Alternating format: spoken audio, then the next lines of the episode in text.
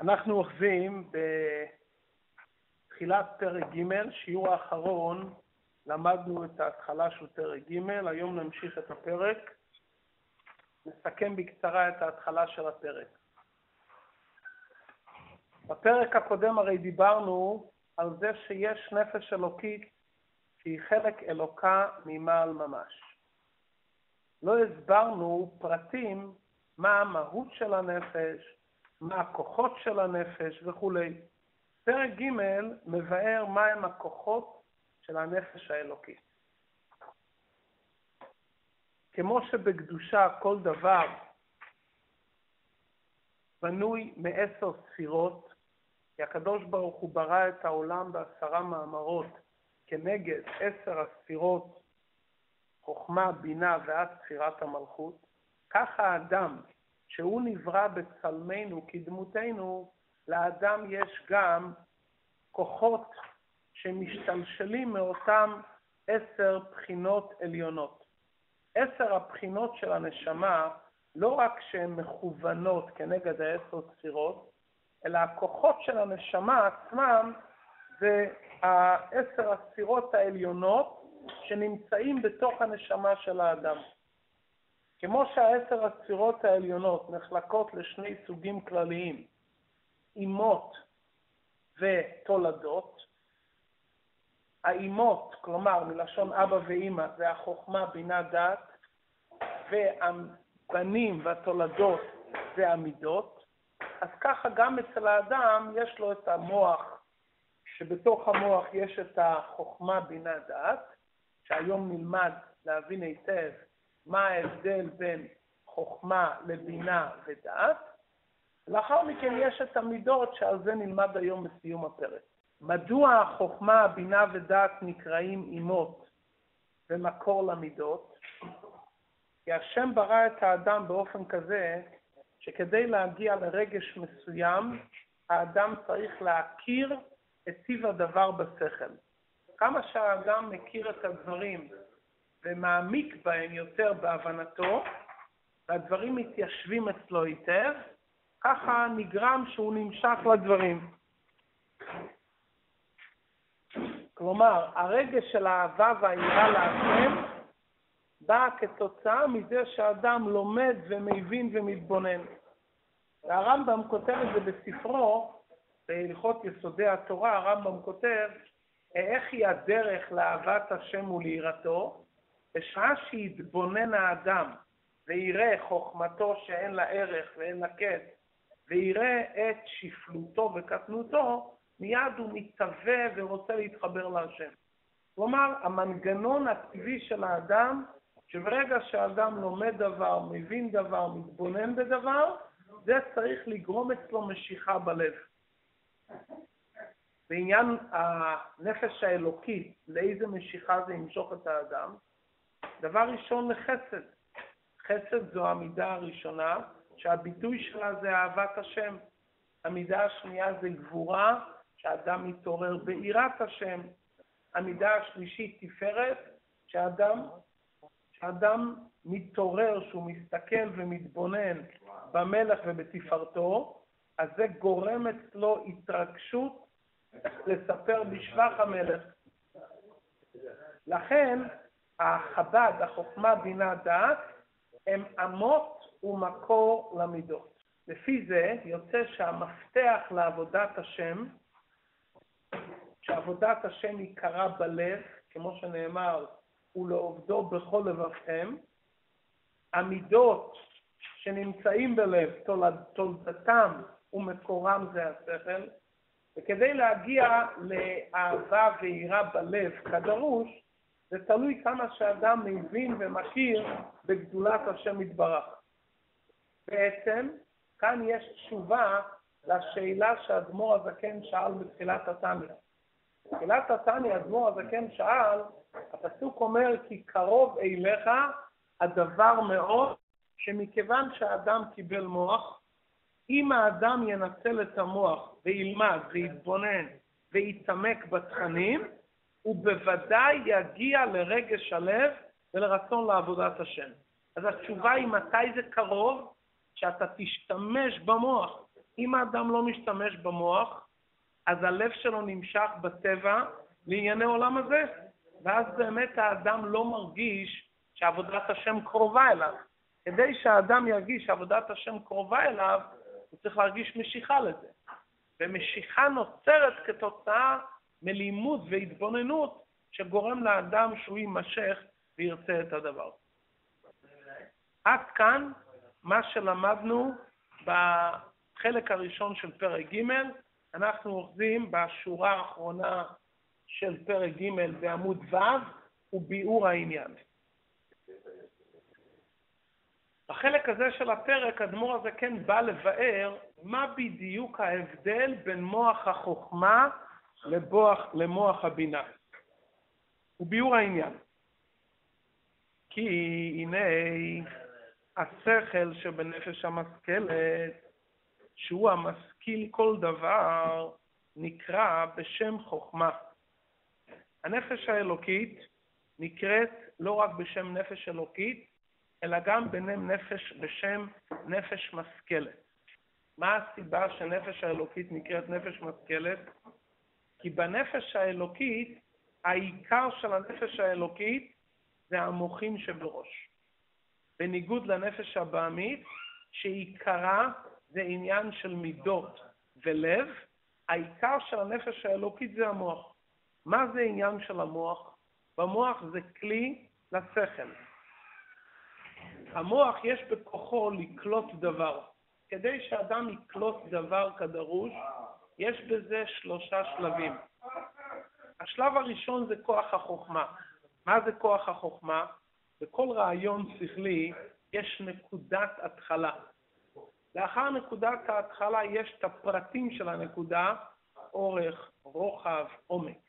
כלומר, אחרי שאדם זורקים לו את הנקודה, אז יש לו את הפרטים שהוא יכול להבין את הדברים. לדוגמה, אדם יושב להתעמק על איזה סוגיה, כשהוא רוצה להתעמק בסוגיה, פתאום נופל לו איזה קליק, רעיון. ברגע שנופל לו אותו רעיון, זה נקרא מוח החוכמה.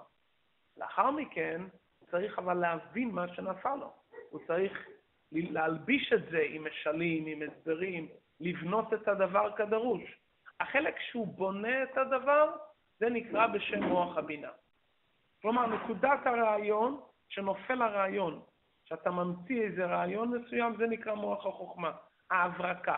לכן, החוכמה, אם אנחנו ננתח את המילה חוכמה, מלשון כוח מה. נפל לי פה איזה רעיון, שהרעיון עדיין אני עוד לא יודע מהו, רק אני מבין שנפל לי פה איזה ברק המבריק, איזה נקודת התחלה. לכן זה נקרא כוח מה הוא כוח מסוים, רק אני עדיין שואל מה זה. אם נראה בהגדה של פסח נאמר, חכם, מה הוא אומר? מה? הוא קולט איזה רעיון מסוים, הוא מבין שיש פה משהו נפלא, רק הוא עדיין לא יכול להלביש את זה באותיות. זה נקרא מוח החוכמה, ברק המבריק. וכשמוציא כוחו אל הפועל, שמתבונן בשכלו להבין דבר לאשורו ולעומקו, מתוך איזה דבר חוכמה המושכל בשכלו, נקרא בינה. הכוח השני, השלב השני, זה אחרי שאדם יש לו את הנקודה וההברקה שעלתה במוחו, הוא מתחיל לפרק את זה ולהסביר את זה עם משלים והסברים, הוא יורד לעומק הדברים, זה נקרא כוח הבינה. יש הרבה אנשים שהם בעלי חוכמה ואינם בעלי בינה. ישנם הרבה אנשים שהם בעלי המצאות ואינם יודעים איך לנתח את ההמצאה. יש אנשים לאידך, להמציא הם לא יודעים, אבל כשנתת להם רעיון לפתח את זה, הם יודעים לפתח את זה הרבה יותר טוב מזה שאמר את הרעיון. בעולם הגשמי זה ההבדל בין החתן והכלה, בין האיש והאישה. בדרך כלל האיש זורק רעיונות, אבל לבדוק אם הרעיון יכול לרקום עור וגידים, זה תלוי באישה. לכן על נשים נאמר, בינה יתרה ניתנה בנשים. כלומר, לבדוק האם הרעיון, רעיון זה נקודת החוכמה, וכשם שבהתהוות אבלד בגשמיות, נקודת ההתחלה קשורה עם האב, וההתפתחות של אבלד קשור עם האם, ככה גם בעניין הרוחני, כשאדם קולט איזה רעיון זה נקרא אבא, כשהוא מפתח אותו זה נקרא אימא. מתי האדם יכול להגיע לשמחה? רק אם הוא עבר את תהליך הבינה.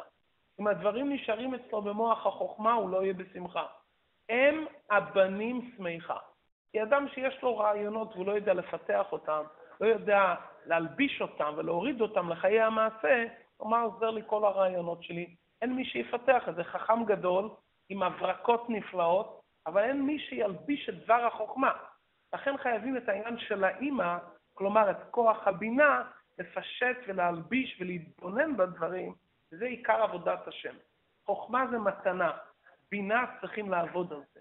פה צריכים להתייגע, צריכים להתבונן בדבר, להתעמק בדבר, ללמוד את הדבר לעיון, ורק אז יכול להיות תולדה. אנחנו מבינים לבד שבלי תהליך של עיבור כדרוש, אז הוולד לא יהיה ולד בריא. וכמה שהעיבור מתמשך באופן עקבי וטוב ומתפתח כראוי עד סוף התשעה ירחי לידה, אז הוולד הוא יהיה בעזרת השם בריא, ולד של קיימא. ככה גם בתהליך השכלי. אדם לפעמים שומע איזה רעיון, הוא נדלק על הרעיון, הוא לא מפתח את הרעיון, הוא לא חושב על הרעיון, הוא לא מתבונן על הרעיון. שמע איזה רעיון בשיעור, הוא שמע איזה הברקה, זו הייתה הברקה יפה, זו הייתה הברקה טובה, תחשוב עליה, תתבונן בה, תכתוב את זה לעצמך, תנסה למצוא לזה דימויים והשלכות מהחיים שלך, תנסה לראות איפה אתה בונה לעצמך עם אותו רעיון מסר לחיים בעקבות שאתה מביא דוגמאות ומשלים. כמובן צריך לעשות את זה בזהירות, כי לפעמים האדם יכול לפתח בינה עקומה. אבל אם האדם לא לוקח את נקודת הרעיון ולא מפתח, הוא לא יכול להגיע לידי שמחה.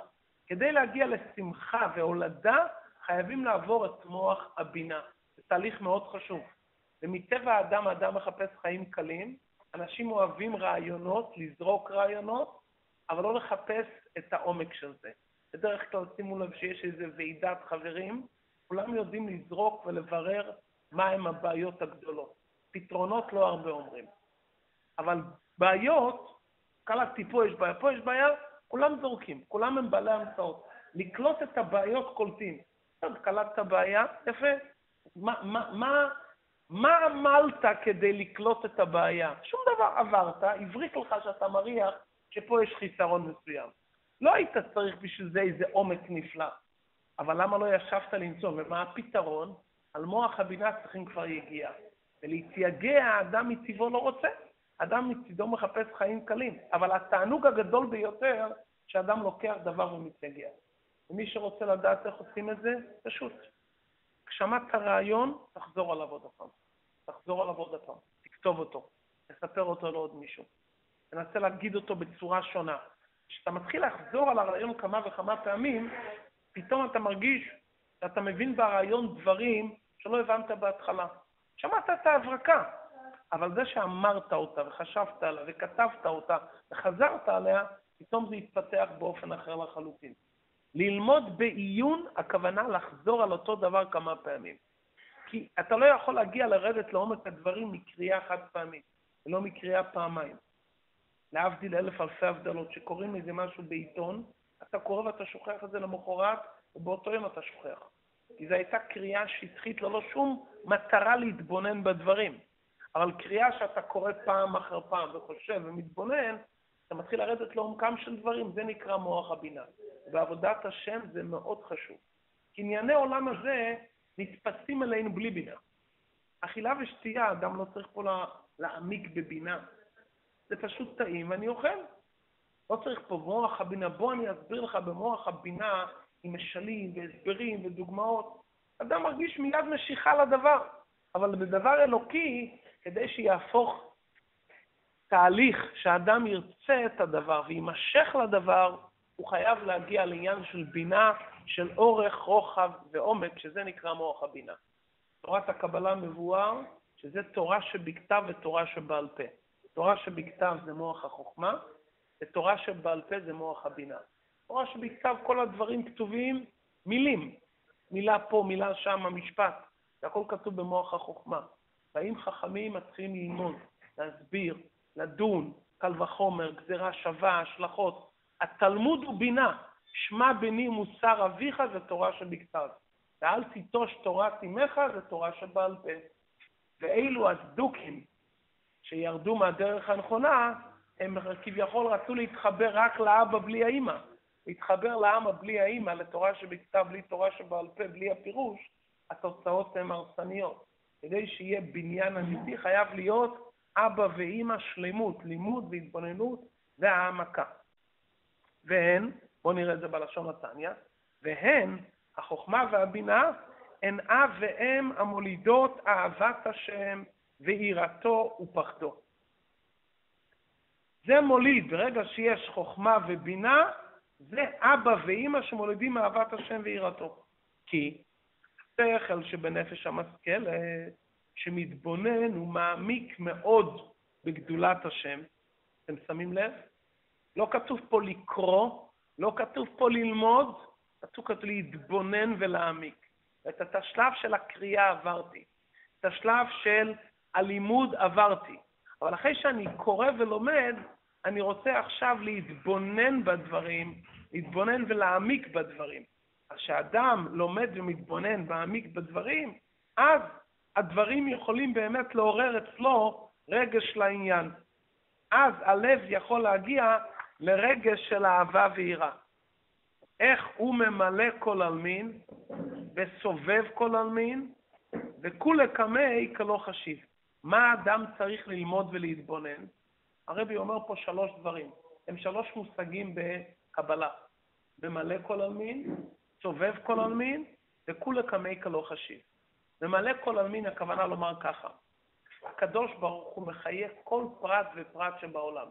כשהוא מחיה כל פרט ופרט שבעולם, הוא יורד לכל פרט להחיות אותו לפי עניינו. הרי דומם, צומח, חי ומדבר, כל אחד צריך לקבל חיות שתתאים לו לפי מה שהוא. לא יתאים החיות שיש לדומם, שייתנו את זה לצומח, וכן להפך. ממלא כל עלמין הכוונה לומר, מה שהקדוש ברוך הוא מתמלא ונותן לכל אחד לפי עניינו, כמו שהנפש ממלאה את הגוף. כשהנפש ממלאה את הגוף, היא ממלאה את הגוף לפי עניין הגוף. כלומר, הראייה בעין, השמיעה באוזן, ההליכה ברגל, כל איבר ואיבר יש לו את העניין שלו. גם הקדוש ברוך הוא שמפרנס את העולם ומכלכל את כל היצורים, הוא ממלא ונותן חיות פנימית לכל נברא ונברא לפי עניינו. דוגמה הקלאסית שאפשר להביא על האור הממלא כל עלמין זה מורה ותלמידים. מורה טוב, שהוא מצליח, צריך למצוא את המילים שיתאימו לכמה רמות בכיתה.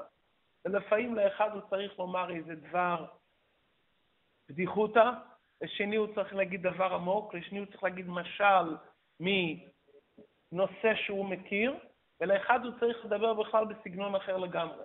את אותו נושא שהוא מעביר, הוא צריך למצוא משלים והסברים שיתאימו לכל אחד מהתלמידים. בדרך כלל מורה חייב שהכיתה תהיה פחות או יותר באיזה רמה ממוצעת, שהוא יוכל להעביר את התכנים באופן שכולם יבינו. אבל המשפיע האמיתי, שזה יותר ממורה, כי מורה חייב יש לו זמן קצוב.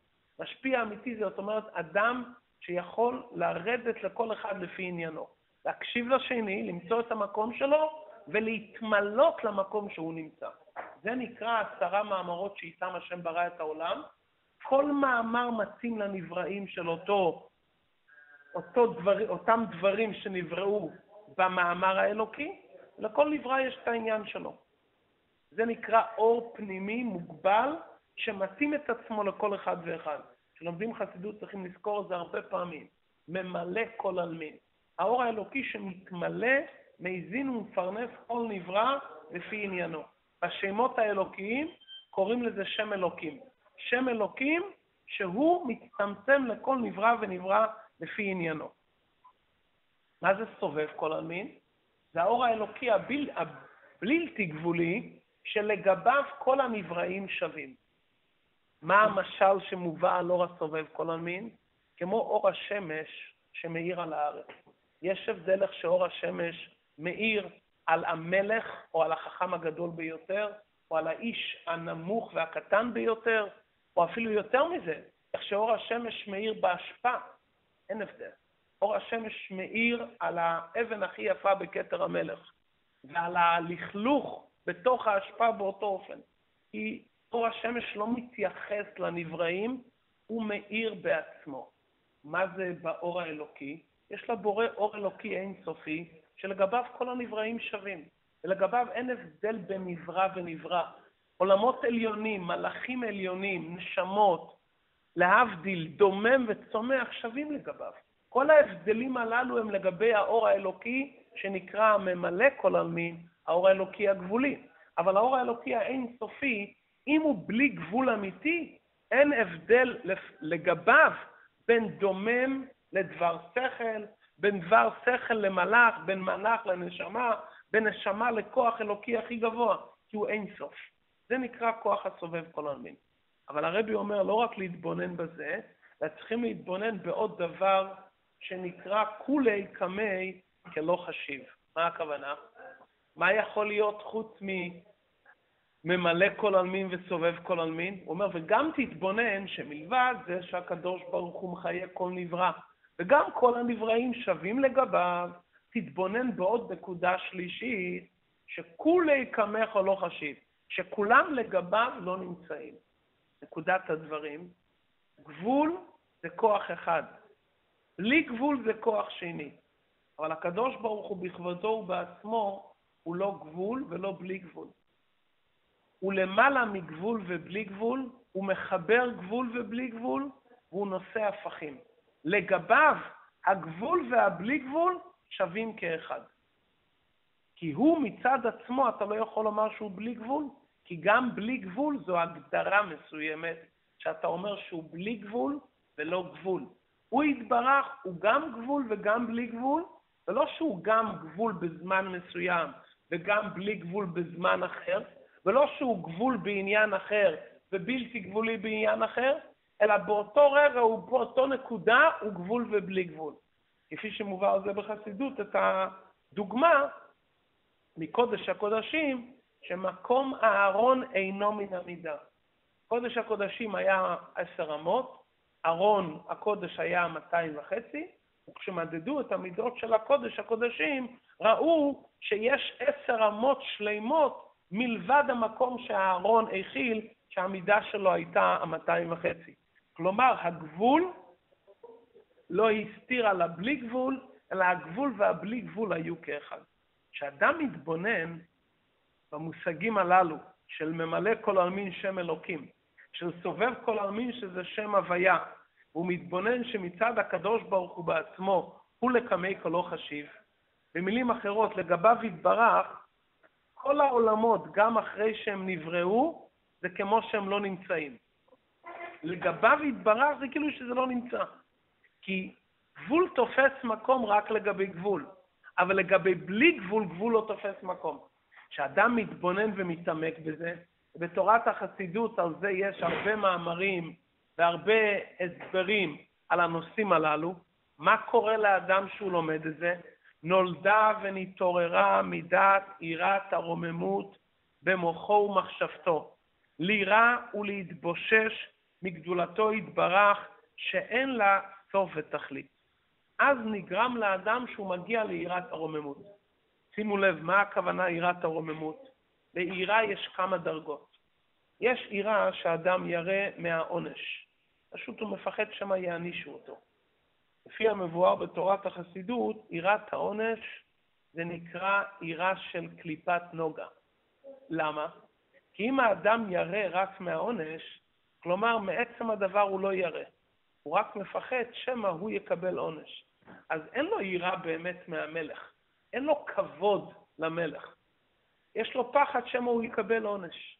המגיד ממזריץ' אמר על זה משל, להבין מה זה שאדם ירא מהעונש ולא ירא מהמלך, משל לילד ששיחק בחצר. היה יחף, והוא רץ בחצר, ובחצר היה אבנים, חלקי זכוכיות וכדומה, וכשהוא רץ, נכנס לו איזה אבן או זכוכית לתוך הרגל, אבל הילד לא שם לב לדברים והוא המשיך לרוץ. והאימא, אחד מהמשפחה, שם לב שהרגל שלו פצועה, אבל הילד לא שם לב. ואז האבא ראה שהוא רואה את החתיכת אבן, את הזכוכית בתוך ה... אז הוא קרא לילד והושיב אותו ושטף את הרגל, התחיל לחטות, והוא רואה ש, שה, שזה לא, שהחתיכת זכוכית לא יוצאת. אין ברירה, אז אבא לקח אותו לאיזה רופא או למי שיודע, והוא פתח, חתך חתיכה קטנה, הוציא, חיטה, סגר ותפר. זהו. עבר זמן, הילד כדרכו מסתובב עוד הפעם. ועוד פעם היה יחד והשתובב בגינה.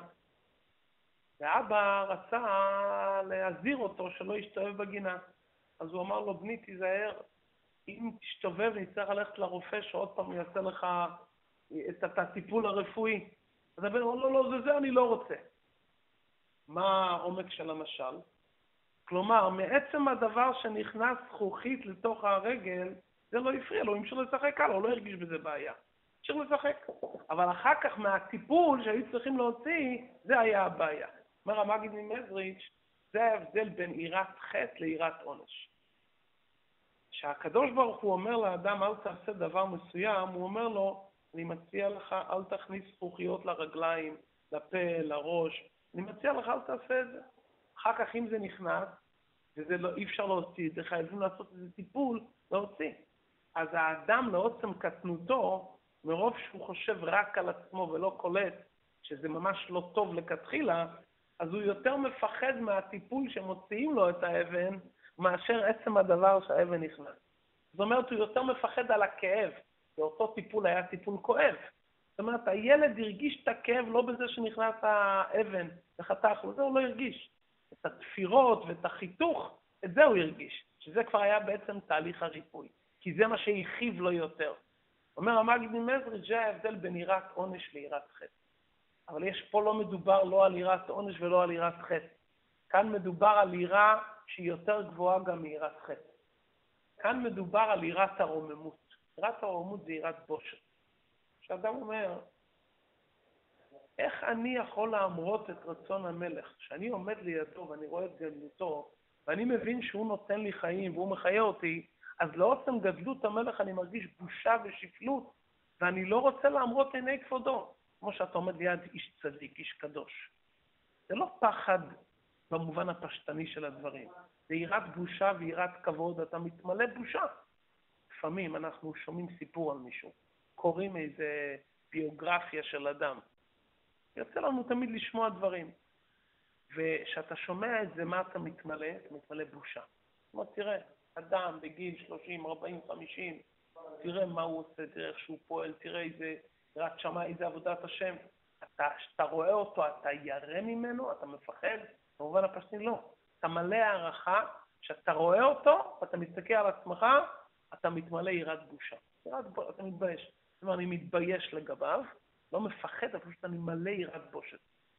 אם האדם הזה עוד האדם שהוא קצת מרומם, אתה מסתכל עליו מלמטה למעלה והוא אומר, אני מסתכל עליו בכבוד גדול ואני מרגיש את האפסיות. זה אפילו בנוגע לבן אדם.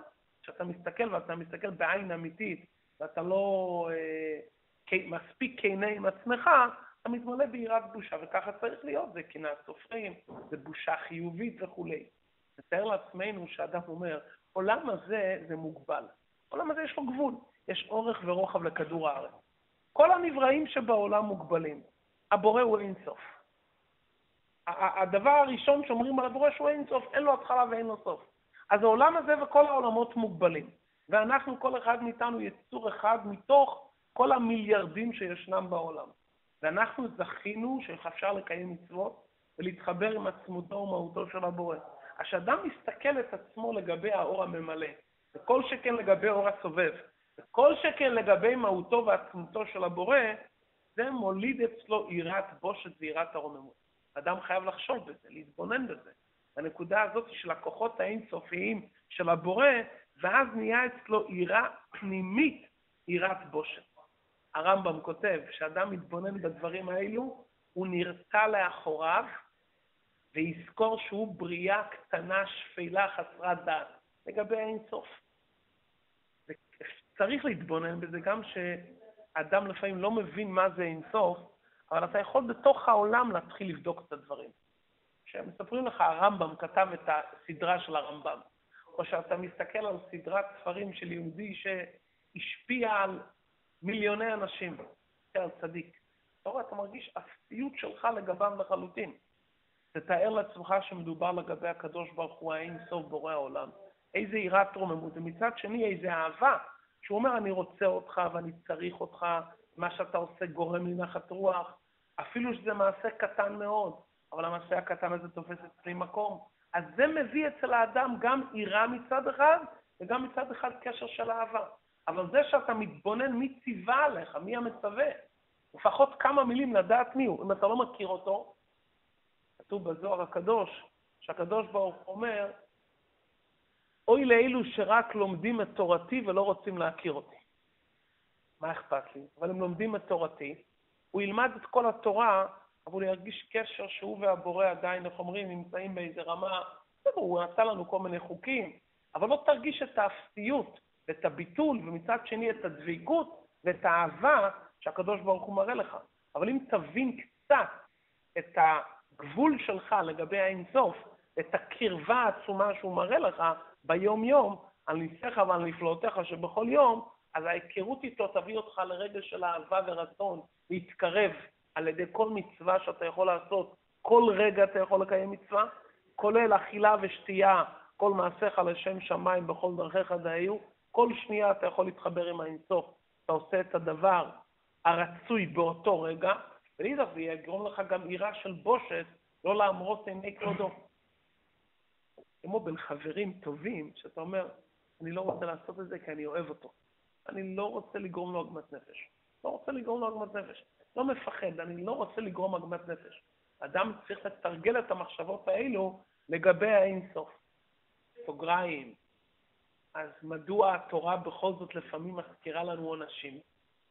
אם הכוונה והתכלית זה להגיע ליראת חטא ולא ליראת עונש, להגיע ליראת הרוממות, ליראת בושת, ואפילו לא ליראת חטא, אז מדוע התורה מזכירה?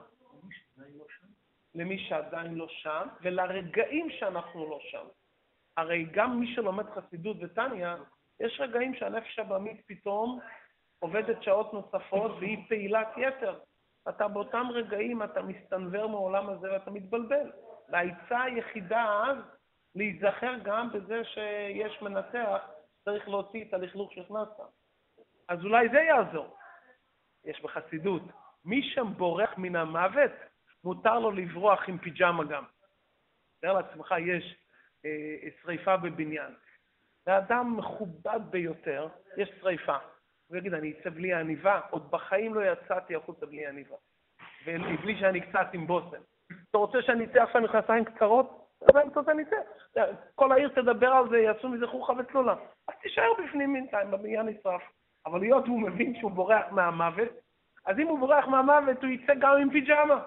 כי הוא מבין, אני בורח מהמוות, מה אכפת לי מה שיגידו? עם עניבה, בלי עניבה, מכנסיים קצרות, העיקר לברוח. בחסידות כתוב, הרי העבירות זה מוות, זה יותר גרוע ממוות. כי המוות יש אחרי זה חיים, אבל העבירה זה יותר מר ממוות. כשאדם עובר עבירה, זה נתק, באותו רגע זה נתק. אז אם העצה היחידה לא לעבור עבירה זה להיזכר שיש על זה גם עונש, נו, אין מה לעשות, אז תיזכר בזה, תברח עם הפיג'מה. אז מותר לך גם את זה. אבל לא שזה, לא זה מה שלכתחילה מייעדים. היות והתורה נכתבה לכל הזמנים, לכל המקומות ולכל סוגי האנשים, אז מכיוון שהתורה נכתבה לכל סוגי האנשים וכולי, אז בתורה מובא גם העניין הזה. ושהתורה מדברת על זה, למי היא מדברת? לנפש הבעמית שבתוכנו. לנפש האלוקית שבתוכנו, היא אומרת, תראה, הקדוש ברוך הוא אין סוף, אהבתי אתכם, אמר השם. בנים אתם להשם אלוקיכם, בואו תתחבקו איתי. אני אבא אוהב ואתם ילדים מתוקים. אבל יש לנו גם נפש הבעמית, שהיא חלק מאיתנו. זה לא איזה מישהו שנמצא אצלנו בארנק. הנפש הבעמית נמצאת בתוכנו ופעילה כל רגע ורגע. אז חייבים גם לדבר אליה. והמטרה היא להביא אותה גם לאיזה סוג של יראת בושר.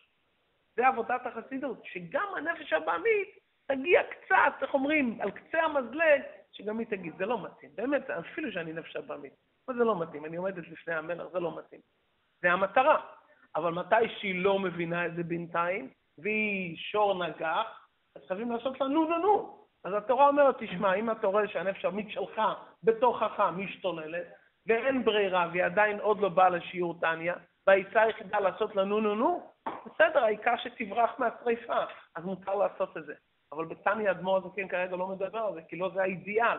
זה במקרה שקרה מקרה, אז חייבים ככה לדבר על זה. מעניין שברמב"ם, ספר הרמב"ם לא מזכיר אף פעם עניין של, שמדבר על אהבת השם ויראת השם, הוא לא מזכיר שום דרך להגיע לעונשים וכולי, מדבר הכל בצורה מאוד חיובית. כשהרמב"ם מדבר איך אדם יגיע לאהבת השם ויראת השם, הרמב"ם יכול להגיד איך יגיע ליראת השם, שיזכור שכתוב, ואם בחוקותיי תימצו, אז איי איי איי. כשהרמב"ם אומר, ואיך הדרך לאהבתו ויראתו, הוא לא נותן את זה אפילו בתור אופציה. למה? כי למרות שבספר התרופות יש כזה תרופה גם, אבל כשאני מדבר לאדם בריא ואני רוצה לחנך אותו, אז אני לא רציתי להשתמש אפילו בזה בתור אופציה לכתחילה. אני רוצה לדבר איתו לכתחילה, בוא תלך בדרך הישרה, בוא תכיר את הבורא, תאהב אותו, תירא ממנו, כי יש מי לירא ויש מי לאהוב. מה אני צריך לדבר איתך על האופציה הזאתי, שאתה כבר התקלקלת ועשית כאלו שטויות שאין ברירה וחייבים להזכיר לך דברים שלא רוצים להזכיר. התורה מדברת על כל הדורות ועל כל התקופות, היא מדברת גם על זה. אבל פה בתניא זה לא מוזכר. ואז, אחרי שהוא מגיע ליראה ולהתבושש מגדולתו יתברך, שאין לה סוף ותכלית, ופחד השם בליבו, ושוב התלהב ליבו באהבה עזה כרשפי אש. אחרי ההתעוררות הזאת שיש לו, פתאום הוא התעורר באהבה, רצון להתחבר להשם. תראו איזה מילים אדמו"ר הזקן מבקש מאיתנו, שההתלהבות תהיה בחשיקה כרשפי אש, הוא לא מסתפק, בחשיקה וחפיצה ותשוקה ונפש שוקקה לגדולת אינסוף ברוך הוא. יש על זה באריכות בחסידות, מה זה המליצות הללו. אבל אתה רואה שאדמו"ר הזה כן פה ככה אה, אומר, תשמע, אם תתבונן, בסוף זה יקרה לך, אתה תחשוק, אתה תחפוץ, ואתה תשתוקק, ואתה לא תוכל ואתה תגיע לזה. זה שייך, שייך. לך. והיא כלות הנפש. אדם מרגיש שאני רוצה להיות כל הזמן דבוק להשם. רוצה לזמור להיות כל הזמן בחוויה שאני כמו ליד צדיק. רוצה להיות כל הזמן בחוויה של איזה שיעור טוב, שאני מרגיש את הנשמה שלי. רוצה להיות כל הזמן בחוויה של שבת קודש. והיא כלות הנפש דכתיב נחשפה וגם קלטה נפשי, וכתיב צמא לך נפשי, וכתיב צמא, צמא נפשי ללא כתיב, וכתיב צמא לך נפשי, זה האהבה שגורמת לאדם צמאון כזה וכלות הנפש. והצמאון הוא מיסוד האש שבנפש האלוקית. אמרנו הרי שכל נברא גשמי מורכב מדלת יסודות, אש, רוח, מים, עפר. גם נפש הבעמית מורכבת מהדלת יסודות הללו. אז ביסוד האש של נפש האלוקית יש את הכוח לאהבה עזה כרשפי אש, כלומר צמאון של הנפש להידבק בהשם עד כלות הנפש. כמו שכתבו הטבעיים וכן הוא בעץ חיים, שיסוד האש הוא בלב. הצמאון הזה מגיע מהאש שבנפש האלוקית, כמו שכתבו בספרי חכמי הטבע, שיסוד האש שבנפש הוא בלב. כי גם הגוף הגשמי מורכב מדלת יסודות, ויסוד האש הוא בלב. ומקור המים והליכות מהמים, כמו שכתוב בעץ חיים שער נון, שהיא בחינת חוכמה, שנקרא מים שבנפש האלוקית. יסוד המים שבגוף האדם זה במוח, נפש הבעמית, היסוד של המים שבה זה בלב, שם התענוגים של האדם מענייני עולם הזה. יסוד המים של נפש האלוקית זה במוח. שאר המידות כולן הן ענפי היראה והאהבה ותולדותיהן, כמו שנתבהר במקום אחר. אז כמו שהסברנו שאהבת השם ויראת השם באים כתוצאה מחוכמה ובינה, ככה כל שאר ענפי המידות, שזה נצח ויסוד ועוד ומלכות, הם ענפים של חסד או גבורה. כי חסד וגבורה אלו ענפים כלליים, ושאר המידות או תוצאה של חסד או של גבורה. קו הימין וקו השמאל, או הקו להתקרב לדבר, או הקו לעמוד בעירה מהדבר. עד כאן דיברנו על חוכמה ובינה. בחלק האחרון של הפרק, אדמו"ר הזקן מסיים ומסביר מהו כוח הדעת. אמרנו חוכמה זה נקודה, בינה זה אורך ורוחב ועומק להתבונן. מה זה כוח הדעת? מה יש מעבר לחוכמה ובינה? כוח הדעת הוא הכוח העיקרי. כי כוח הדעת זה המעבר, המפתח, שמעביר את התכנים שהתבשלו בחוכמה ובינה ללב. לכן הדעת נקראת בזוהר מפתחה דקה ללשית. המפתח שפותח לשש מידות. בואו נראה מה זה כוח הדעת. והדעת הוא מלשון והאדם ידע את חווה. והוא לשון התקשרות והתחברות. דעת, שימו לב, דעת זה... אם אין דעת, אין, אין הבדלה ואין כלום. הדעת זה מאוד מאוד חשוב. כל מה שהסברנו לעיל על החוכמה והבינה חשוב מאוד, אבל דעת עוד יותר חשוב. מה זה דעת? דעת זה לא היכולת לקלוט דברים. דעת זה לא הראש טוב. דעת זה לא הכישרונות שהתברכת. דעת זה היכולת להתקשר ולהתחבר לדברים. אני הבנתי את הדבר, אני כבר השגתי את הדבר. עשיתי עליו מבחן וקיבלתי 100 פלוס. מי אמר שזה קשור איתי, אבל? במבחן הצלחתי. יש לי ידע בזה עם כל הפרטים. אני יודע את הסוגיה ואת כל פרטי הסוגיה. מה זה קשור איתי? מכיוון שלמדתי מתמטיקה וכימיה, אז הלב שלי צריך להימשך לזה? למדתי כי אני צריך את התואר. אני לא צריך אבל להימשך לזה. מה גורם לאדם שהוא יימשך לדבר? זה מה שהאדם מתעמק בדבר ומתקשר. אתן לזה דוגמה פשוטה. אדם רואה תמונה.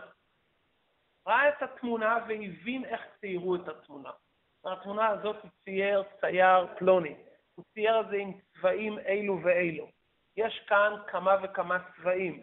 יש כאן בניין ונוף וכולי, ואני מבין את התמונה. אחרי שאני מבין את התמונה, הסתכלתי עליה, אני בא למחרת ואני עומד מול התמונה עוד פעם ומסתכל. שואל אותי פלוני, מה אתה מסתכל? הרי אתמול קיבלנו הרצאה על התמונה הזאת. חצי שעה הצייר הסביר מה הוא צייר. הוא הסביר איך הוא צייר ומה הוא צייר ולמה הוא התחיל מזה ואחר כך את זה. היה שעה שלמה שיעור על הציור. למחרת אתה מגיע ואתה עומד ומסתכל, ומסתכל ומסתכל. מה זה התהליך הזה שאתה מסתכל? אתה מתחבר ומתקשר לדבר. הבנתי את התמונה אתמול. הבנתי איך הוא צייר את התמונה לפי איך שהוא הסביר לי מאיפה הוא התחיל, ואיזה קווים הוא שם קודם, ולמה הוא פה שם חלד ושם הוא שם ירוק. הבנתי את זה, ואני יכול לעשות מבחן על מה שהוא הסביר לי אתמול, ואני אקבל 100 על כל הפרטים. למחרת ואחרי שבוע אני עומד ומסתכל על התמונה, והלב שלי בתוך התמונה, והמוח שלי, אני שבוי בתוך התמונה. וזה לא נמאס לי, אני מסתכל עוד הפעם, ועוד הפעם, ועוד הפעם, עד שמי שרואה אותי מסתכל על התמונה, רואה ששכחתי מהכל. הוא רואה שאני נמצא בתוך התמונה, הוא רואה אני בעולם אחר. זה נקרא כוח הדעת. זה התקשרות לדבר. אני מתקשר ומתחבר לדבר, אני מתעמק בדבר ומקשר אותו אליי בעצמי. והאדם ידע, הכוונה לומר התקשרות. זה עבודה מעבר לחוכמה והבינה. גם אנשים שמוכנים להתעמת במוח הבינה, להגיע לכזה דבר, להתקשר ולהתחבר לדבר, בזמן שאתה מתעמק ואתה מתקשר איתו, בקשר נפשי עם הדבר, זה כבר מעבר למה שלמדת והבנת. אם אין לך את הבינה, אין לך מה להתקשר. אם יש לך את הבינה, אפשר לדבר על קשר. ואז אתה מתבונן ומתעמק עד שאתה מכיר את הדברים. מה אתה אומר, רב אבינום? אפשר להגיד ש... אמן. אפשר להגיד שלדעת זה ליישם לא, זה כל מה שלמדת. זה תוצאה. תוצאה מהדעת אתה מיישם. דעת זה הפנמה, הרגשה והפנמה. ומכיוון שאני מרגיש ומפנים את הדבר, אני מיישם. היישום זה סימן שזה עבר את מוח הדעת. אבל יש את התהליך שגרם לי להחליט ליישם. מה גרם לי להחליט ליישם את הדברים? הרי במבחן קיבלתי 100 ואני לא מיישם את הדברים עדיין. אבל קיבלת 100, אתה קיבלת על זה 100. מה זה קשור שקיבלתי על זה 100? אני יודע את הדברים, אני יכול גם להנחיל את הדברים לאחרים, אבל אני לא הפנמתי את הדברים שאני רוצה ליישם את הדברים. ההפנמה זה שאני מרגיש את הדברים. אני מכיר שהתכנים שנלמדו הם שלי, הם לא כתובים בספר, הם שלי והם חלק מהמציאות שלי. וזה על זה שאני מתקשר ומסתכל. כתוב בשיר השירים, עינייך יונים. כתוב בזוהר, היונים מסתכלים אחד על השני. כמה אתה יכול להסתכל אחד על השני? אתמול ראית אותו, שלשום ראית אותו. אז בזוהר הקדוש כתוב, זה הנשמה שמתענגת על השם, מסתכלת, זה אף פעם לא נגמר. כשאתה עומד מול משהו שגורם לך עונג וקשר פנימי, אתה מסתכל ואתה מסתכל, ולשון הזוהר זה נקרא להסתכלה בעיקרא דמלכא. אתה מסתכל וזה לא נגמר לך אף פעם. התענוג כי אתה מתקשר, זה חלק ממך. ההורים מסתכלים על תינוק שנולד, או מסתכלים על איזה ילד קטן, לא מכירים אותו? כל כך מתענגים ממנו, ההסתכלות ועוד פעם ועוד פעם ועוד פעם ועוד פעם, זה התקשרות פנימית של הכרה שזה חלק מהם. ככה גם כשאדם מתקשר עם עניין אלוקי, שהוא מתקשר בכזה אופן שזה נהיה חלק ממנו. בואו נראה בלשון נתניה, שמקשר דעתו בקשר אמיץ וחזק מאוד, ויתקע מחשבתו בחוזק בגדולת אינסוף ברוך הוא, ואינו מסיח דעתו. הוא לא יכול להסיח דעת מזה. למה? כי הוא קשור לזה בכזה אופן שהוא לא יכול להסיח את הדעת. כי אף מי שהוא חכם ונבון בגדולת אינסוף ברוך הוא, הנה אם לא יקשר דעתו ויתקע מחשבתו בחוזק ובהתמדה, לא יוליד בנפשו יראה ואהבה אמיתית, כי אם דמיונות שף. אדם לא יכול להוליד רגש אמיתי אם הוא רק למד את הדבר. אם הוא חכם ונבון, זה עדיין לא יביא אותו להתחבר לדבר. לפעמים אנחנו לומדים סוגיות מסוימות בש"ס. אתה יודע מה ההבדל אם אדם לומד סוגיה, או סוגיה שהוא צריך לדעת אותה בשביל עניין אישי שלו? יש לך דיון עם השכן על משהו, ואתה צריך ללמוד דיון בהלכות שכנים, ולמדת בישיבה ובכולל הלכות שכנים. אתה יודע את ההבדלים בין הלימוד הקודם והלימוד הזה? קיבלת בהצטיינות על הלכות שכנים, קיבלת תעודה מהרבנות הראשית שאתה יודע הלכות שכנים ישר והפוך. יפה מאוד. ברגע שיהיה לך שכן עם בעיה של השכן שלך, הלימוד שאתה תלמד עכשיו את הלכות שכנים, באופן אחר לגמרי. אתה תמצא שם בהלכות שכנים הלכות חדשות שלעולם לא ראית שלמדת וקיבלת תמיכה בהיכל שלמה. מה קרה פה? אני לא מבין. למדת וקיבלת. שזה היה בתוך הספר, ולמדתי את כל הסוגיה, ולמדתי את הרש"י ואת התוספות, ואת השאלות ותשובות, למדתי את זה. פתאום כשזה הגיע לשכן שלי, ואנחנו צריכים פה להחליט לפי ההלכה מה הדין במקרה הזה, פתאום אתה תשמע סברות חדשות, דינים חדשים. יכול להיות דינים אמיתיים. למה? כי ברגע שזה נהיה קרוב אליך, אתה עושה השלכות כאלו, והשלכות כאלו, והשלכות כאלו, כי זה חלק ממך. הגמרא אומרת שהאמה עברייה, אמה יכולה לטעון טענות שחכמים גדולים לא יכולים לטעון. אז הרבי מהר"ש שאל, איך יכול להיות שפחה, אישה שהיא פשוטה מאוד, ברמה הכי פשוטה, היא תטען כאלו טענות? הוא אמר, פשוט מאוד, אם זה נוגע לשחרור שלה, היא תגיד סברות יותר מהחכמים והאמוראים הגדולים. היא יכולה להגיע, כי אם זה נוגע לך, זה נהפך להיות אתה. אם זה בדעת, אתה תמצא את ההסברים הכי נפלאים. ככה אנחנו רואים בעולם הזה הגשמי. אז בטח שמדובר על עבודת השם, שפה דברים שאתה לא רואה אותם בעיניים, זה דברים שקשורים עם בורא העולם. אז אם יהיה לך הבנה והשגה ותבין את הדבר, אם אתה לא תהיה קרוב לדבר ולא תרגיש את הדברים, והדברים לא יהפכו להיות חלק מהחיים שלך, לא תתעורר ברגש אמיתי. אתה חייב להיות מקושר ומחובר לדבר כמו שאתה רואה אותו בעיניים גשמיות. רק אז אתה תוליד רגשות אמיתיות. כלומר, אם יש לאדם חוכמה ובינה, הוא גם יוליד ילדים, אבל זה יהיה דמיונות לזמן מה. ייוולד לו החלטות, זה לא יחזיק כל הזמן בכל זה. אבל אם הוא יתקשר ויתחבר באופן של דת, זה יהיה בר קיימא. כמו שכל אחד מאיתנו רואה שיש לנו המון רגעים שאנחנו מתרגשים, לומדים ומבינים, ויש מזה החלטות טובות. וכמה זמן זה מחזיק? יום, יומיים, שבוע. זה היה החלטות שבאו מחוכמה ובינה וקצת אה, ריח של דת. אז זה החזיק מעמד קצת. אבל ברגע שאדם באמת מרגיש את הדבר, זה נהיה חלק ממנו ממש, זה משהו אחר לגמרי.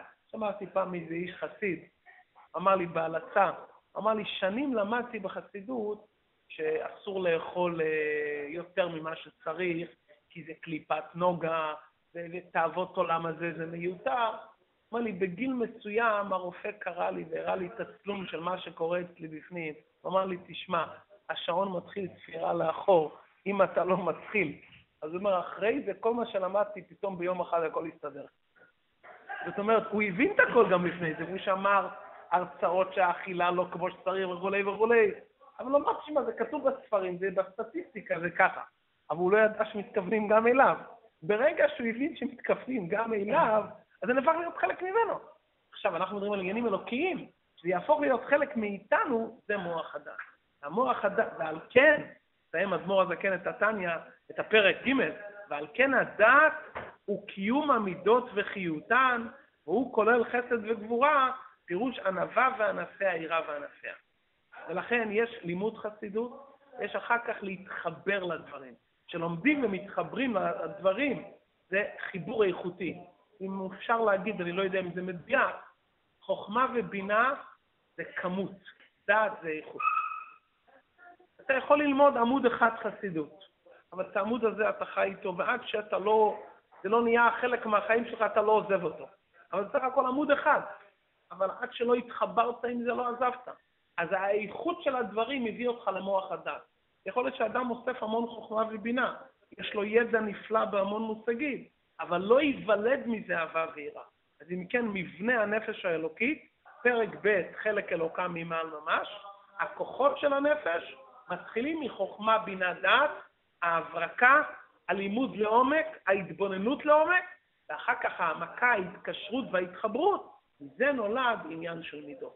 אז זה חב"ד ומידות, לכן חסידות חב"ד נקראת חב"ד, כי המפתח ללב והמפתח למעשים זה כמה שהדברים יהיו יותר בחוכמה, בדינה ובדעת, אז הם ירדו ללב כדרוש, ואז היהודי יהיה יהודי חי, עובד השם כדרוש. כל זה מונח בפסוק אחד בתורה שבכתב, וידעת היום והשבות על לבביך. אם זה ידיעה של חוכמה ובינה, זה לא מביא להשבה אל הלב. אני יודע המון דברים ולא מביא, לא מביא אותי ללב. אבל אם זה יהיה וידעת, לא רק מלשון ידיעה, אלא וידעת מלשון ידיעה, הכרה והפנמה, התקשרות והתחברות, אז הסימן הוא שבהשבות אל לבביך. השם יעזור שנזכה טיפה לדעת, לחוכמה בינה דעת. שלא, מישהו שאל פעם את הרבה אם כולם צריכים להיות חב"ד, חב"דניקים. הרבה אמר לו, אני לא יודע מה אתה מתכוון חב"ד. אם חב"ד אצלך זה לבושים או מנהגים, לא. אבל אם חב"ד הכוונה לומר שכל אחד צריך להשתמש בחוכמה, בינה, דעת שלו, להכיר את השם, אז כולם חייבים להיות חב"ד.